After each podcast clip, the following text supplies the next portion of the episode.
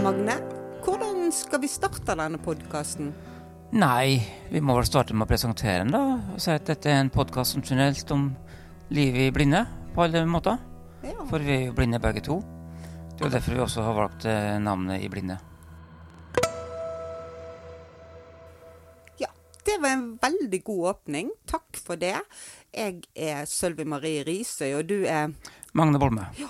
Og eh, vi har litt forskjellige holdninger til dette med blindhet. Eh, jeg ble blind i 2018. Blind en kort periode i 2015 òg, men kortvarig blindhet teller ikke som blindhet. Så jeg ble blind i 2018. Når ble du blind, Magne? Jeg er født i praksis blind, da. Jeg så litt til jeg var fire, men jeg er blind. Fra, ja, jeg vil si at jeg er født sånn temmelig blind. Jeg tenker liksom Jeg uh, mener jo det at du har jo ikke øyne. Det må jo være definisjonen på å være blind. Nei, jeg har protese på begge to. Ja. Stokkblind. Ja. Men uh, når vi møttes, Magne, så eh, var ikke du enig i at jeg kunne kalle meg blind?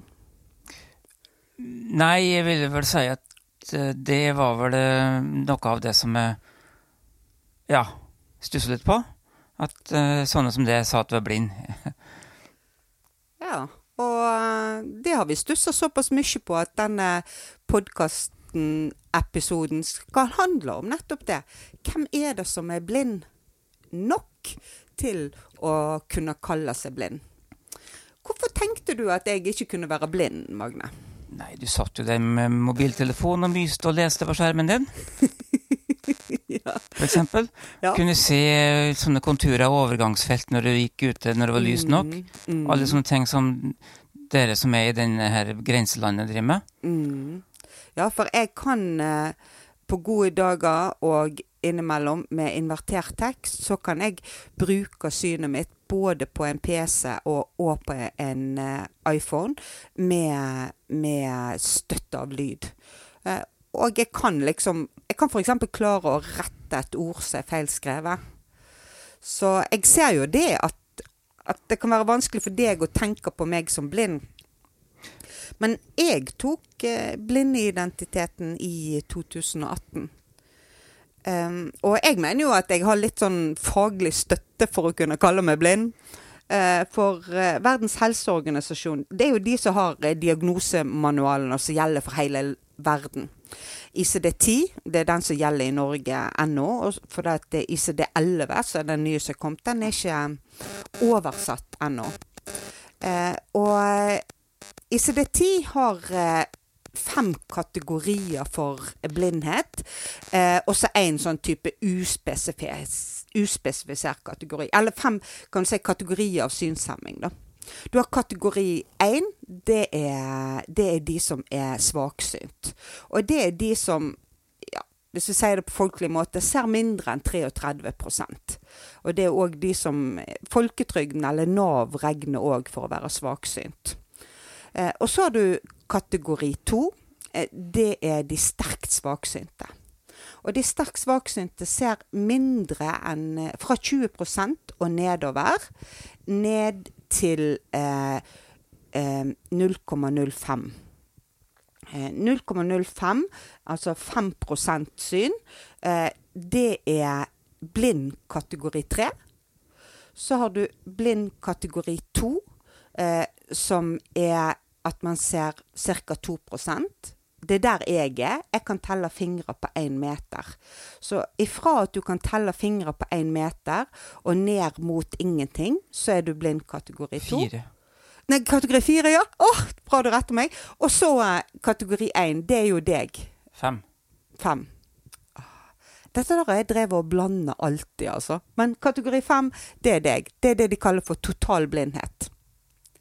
Så Verdens helseorganisasjon gir meg i hvert fall støtte for at jeg kan um, bruke ordet blind. Men hvordan har det vært egentlig Du er jo historiker, Magne. Bare sånn by the way, det kan vi nevne. Um, hvordan har det vært sånn eh, tradisjonelt, altså historisk, altså hvis du tenker nyere historie, da, tenk de siste hundre årene, hvordan har, man, hvordan har, det vært dette her med blinde og svaksynte og, og kategorisering på det, før disse diagnosemanualene kom? Da vil jeg nok tro at i utdannings- og arbeidssammenheng så var det nok en, et videre spekter for dem som i praksis ble blind. Mm. Fordi at før datateknologien så var det jo slik at uh, det var jo mindre tekniske hjelpemiddel. Så flere lærte f.eks. punktskrift før enn nå. Fordi at det var vanskeligere å, å ha synshjelpemiddel. Og det betyr at du, skal, du, så, du fikk punktopplæring før. Altså med større synsrest enn en, en i dag. Ja, for var ikke det sånn Hvis du ikke kunne lese vanlig svart skrift, så eh, ble du lært opp i punktskrift? Ja. ja. Det var ikke noe alternativ til det. Nei. Og da er jo eh, både blind kategori 2, 3, 4 og 5 eh, Måtte vel da lære seg punktskrift? Ja, i alle fall 3, 4 og 5. Ja, i alle fall 3, 4 og 5. Men det er jo mange av de som vi regner som svaksynte nå som lærte Eller sterkt svaksynt nå, som lærte seg punktskrift eh, før. Ja. ja. Mange av dem lærte punkt også fordi at de kunne regne med at de kanskje ville miste mer syn. Og da var det liksom greit å, å, å lære punktskrift. Så kan, man kan nesten egentlig si at det var flere som var At det at det var flere blinde før, ikke bare var det at det var flere blinde, men at det ble, var flere som ble regna for å være blinde. Pga. at de måtte gjøre sånne blinde ting som f.eks. å lese punktskrift. Ja, og, og, muligheten for synskompenserende hjelpemiddel var jo mindre. Mm. Så det betyr jo at hvis du da mister synet, så mister du synet. Men tror ikke du at det at du måtte på egne skole òg hadde litt å si for at hvis du først måtte på en blindeskole, så ble du på en måte regna for å være blind? Ja. ja. Da, spesielt med fremveksten av moderne skolevesen, så fikk du en enda klarere blindeidentitet gjennom, gjennom det at du samla de ekte blinde på denne skolen. Eller på disse skolene. Ja. Og da hadde du arbeidsskole for de jentene, og så hadde du også da arbeidsskole og annen type utdanning for, for gutter. Det var sterkt kjønnsdelt. Ja, og da kunne du være Da, da var du gjerne sterkt svaksynt, men du gikk på blindeskole, og da så folk på deg som blind i lokalmiljøet når du kom tilbake ja. og hadde vært på blindeskole. Ja. Og da, ja. det finnes jo selvsagt unntak i historien med folk som ikke gikk på blindeskole, men hovedregelen var at hvis du da hvis du da ikke kunne liksom tilegne deg lærestoff på vanlig vis, så var det blindeskole. Det er det som var hovedregelen. Fram til 1970 omtrent. Ja, og så er det òg det her med um, vi, nå, nå, snakket vi om ICD-10 sant, og disse fem kategoriene. Men før snakket man om sosialt blind og praktisk blind, og det er noe annet igjen.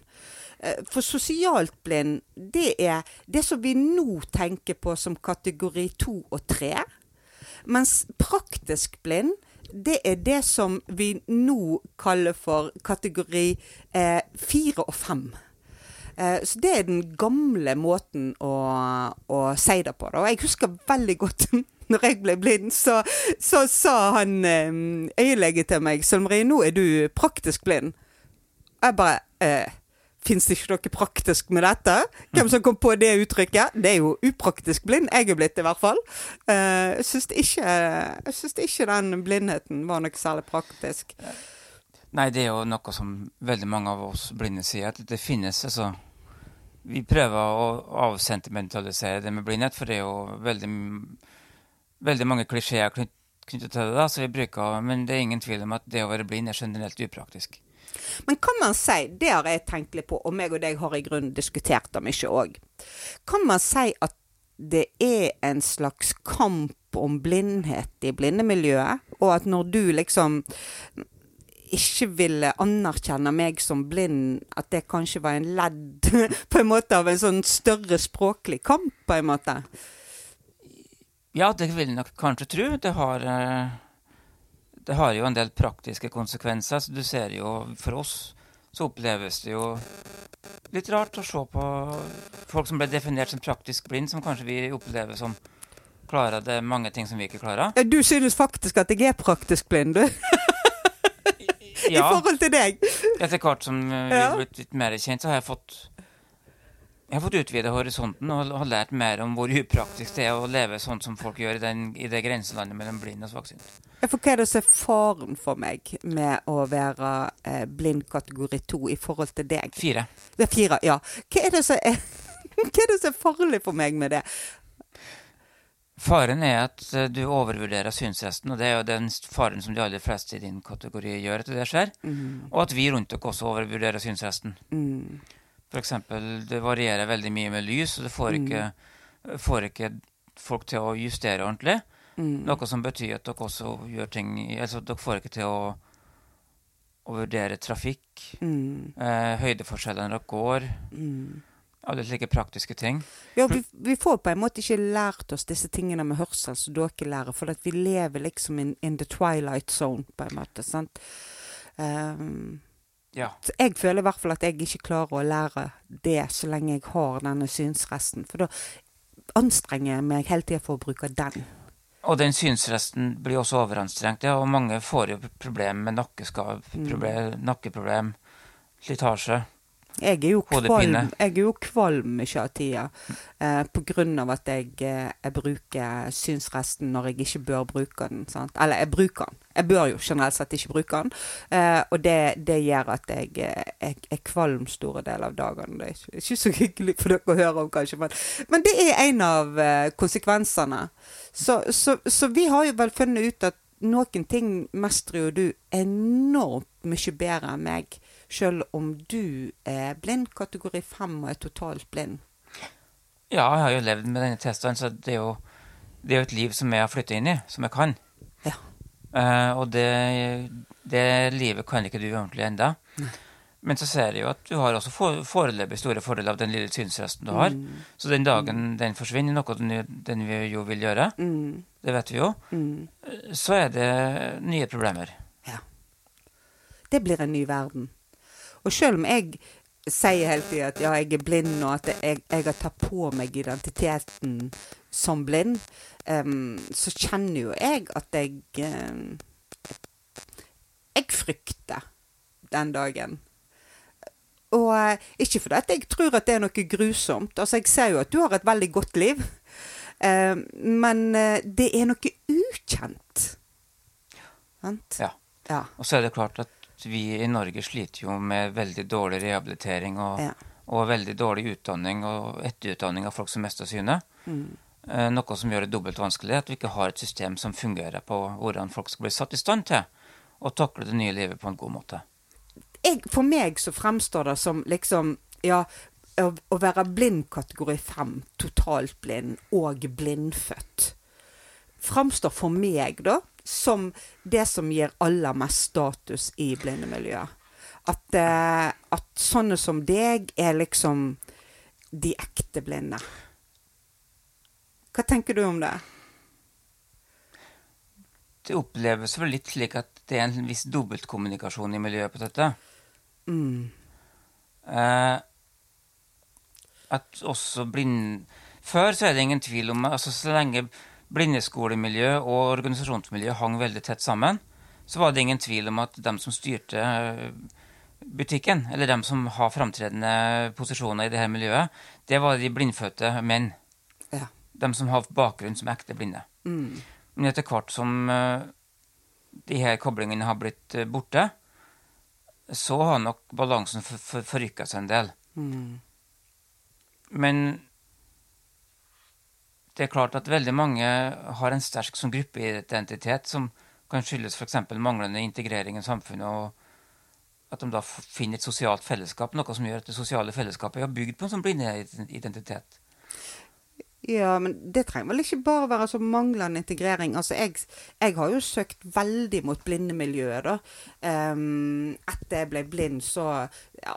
Jeg, før jeg ble blind og jeg var sterkt svaksynt, så ble jo jeg eksempel, Jeg var jo leder i Hordaland fylkeslag og Blindeforbundet og var med i interessepolitiske utvalg. Altså, jeg gikk rett i krigen, jeg, når jeg ble blind.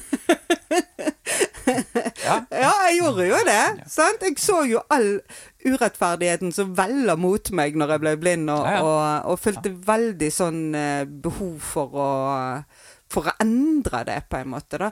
Så jeg føler vel at dette her med med at eh, fellesskapet blant blinde føler jeg er veldig Og dette kommer vi å snakke masse om framover nå, men jeg føler det er veldig Det er ikke dobbelt, det er tredobbelt eller tidobbelt eller noe sånt, tenker jeg. Altså det er veldig mange lag i den identiteten vi som fellesskap lager oss. Identitetene, tror jeg vi må si her. Identitetene, ja. Det er derfor det blir så grådig mange lag. Ja. Og dette har jo vi ført eh, time etter time eh, med samtaler om, eh, av at det har interessert oss veldig. Det blir mangefasettert fordi at det er både en blanding av identitet, ønske om tilhørighet, Mm. eh, også mange tilbud som, som knyttes opp mot det. En, ja, jobbidentitet, f.eks. Det er mange, mange sammenfallende interesser her som gjør at det er mange ulike kryssende identiteter som blir skapt, og mange lojaliteter. Og det å definere seg innenfor denne ramma, det kan bli viktig sånn for mange. Fordi det blir en så stor del av livet. Og framover så skal vi invitere alle som vil høre på podkastserien I blinde, inn i mange tanker og refleksjoner omkring blindelivet. Eh, og òg eh, masse av det som er skrevet om blindelivet. blindelivet. Så eh, vi har i hvert fall en spennende framtid i møte på den måten. Men helt til slutt, Magne. En Ja. ting. Eh, tenker du at jeg er blind nå? Ja, nå vil jeg si at du er blind. nå Er det meg som har blitt blindere, eller er det du som har endra oppfatning? Det er vel det som har forandret oppfatning i, i takt med kjennskapet, tenker jeg. Og så må vi vel også si at det kan være interessant å utforske blinde identitetene historisk. Som historiker så er jeg jo interessert i det. Ja. Jeg synes jo at hvis vi går gjennom det 20. århundre, så var det jo før veldig naturlig å bygge en sterk som gruppeidentitet gjennom korporatismen. Mm. Der liksom den, altså det var, du var fagforeninger hvis du var arbeidsmann, og så var du Ja, blinde- blindeidentiteten ga det mange særrettigheter i samfunnet. Mm. Nå er det vel andre ting som da definerer den, denne blindeidentiteten. Mhm. Og jeg tenker ofte at kanskje gruppeidentiteten er minst like sterk nå. Ja. På godt og vondt. ja. Det skal bli spennende tider og spennende episoder. Vi ønsker dere velkommen tilbake. Ha det bra.